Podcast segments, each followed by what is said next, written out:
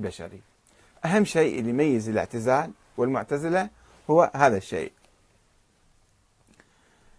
وطبعا في كل المواضيع الكلامية والمواضيع يعني العقدية هم استخدموا عقلهم و آه، يعني كان لهم منهج آخر وأفكار أخرى تختلف عن الفكر السني فكر أهل الحديث خصوصا. كانوا يقولون العقل أول الأدلة. الله خلق العقل عند الإنسان وبالعقل عرف الله الإنسان وعرف النبوة والأنبياء. وبالعقل آه، آه، يميز الإنسان بين الحلال والحرام وهذا الموضوع اللي كان مطروح عندهم التحسين والتقبيح العقليان. أن العقل هو يقبح بعض الأشياء ويحسن بعض الأشياء. الزنا حرام القتل حرام السرقة حرام. الغصب حرام الكذب حرام هذه كلها أمور عقلية العقل يحسنها.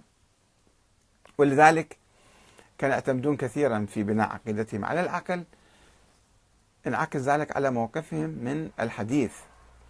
فما آه، كانوا يأخذون بالأحاديث اللي كانت تتوالد بكثرة ذيك الأيام. في القرن الأول والقرن الثاني الأحاديث يعني التي وردت مؤكدة من كبار الصحابة صحابة رسول الله صلى الله عليه وسلم هي يعني أحاديث جدا قليلة ولكن بدأت تتكاثر تتكاثر تتكاثر إلى أن بلغت الألوف ومئات الألوف.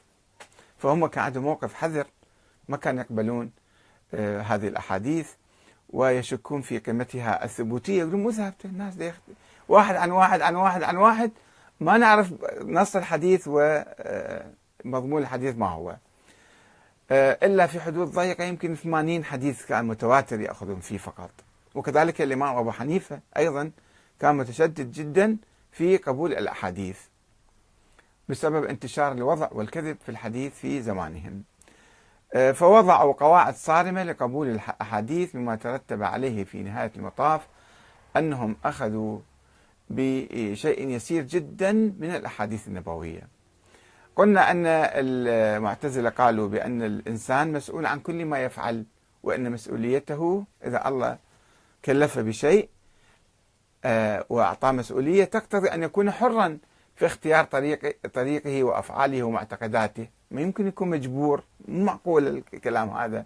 وإلا فستكون محاسبته على ما لم يكن له خيار فيه ظلم. الله سبحانه وتعالى كيف يمكن يكلف واحد ويكتفه ثم يحاسبه يوم القيامة. فمو معقول الحساب مع الجبر. وهذا مما لا يستقيم عندهم مع عدالة الله سبحانه وتعالى. فالله منزه من أن يضاف إليه شر أو ظلم. فاتفقوا على أن العبد خالق لأفعاله. أي أنه حر تماما في قيامه بها خيرها وشرها. مستحق على ما يفعله ثوابا أو عقابا في الدار الآخرة لأنه قام بكذا أو لم يقم بكذا.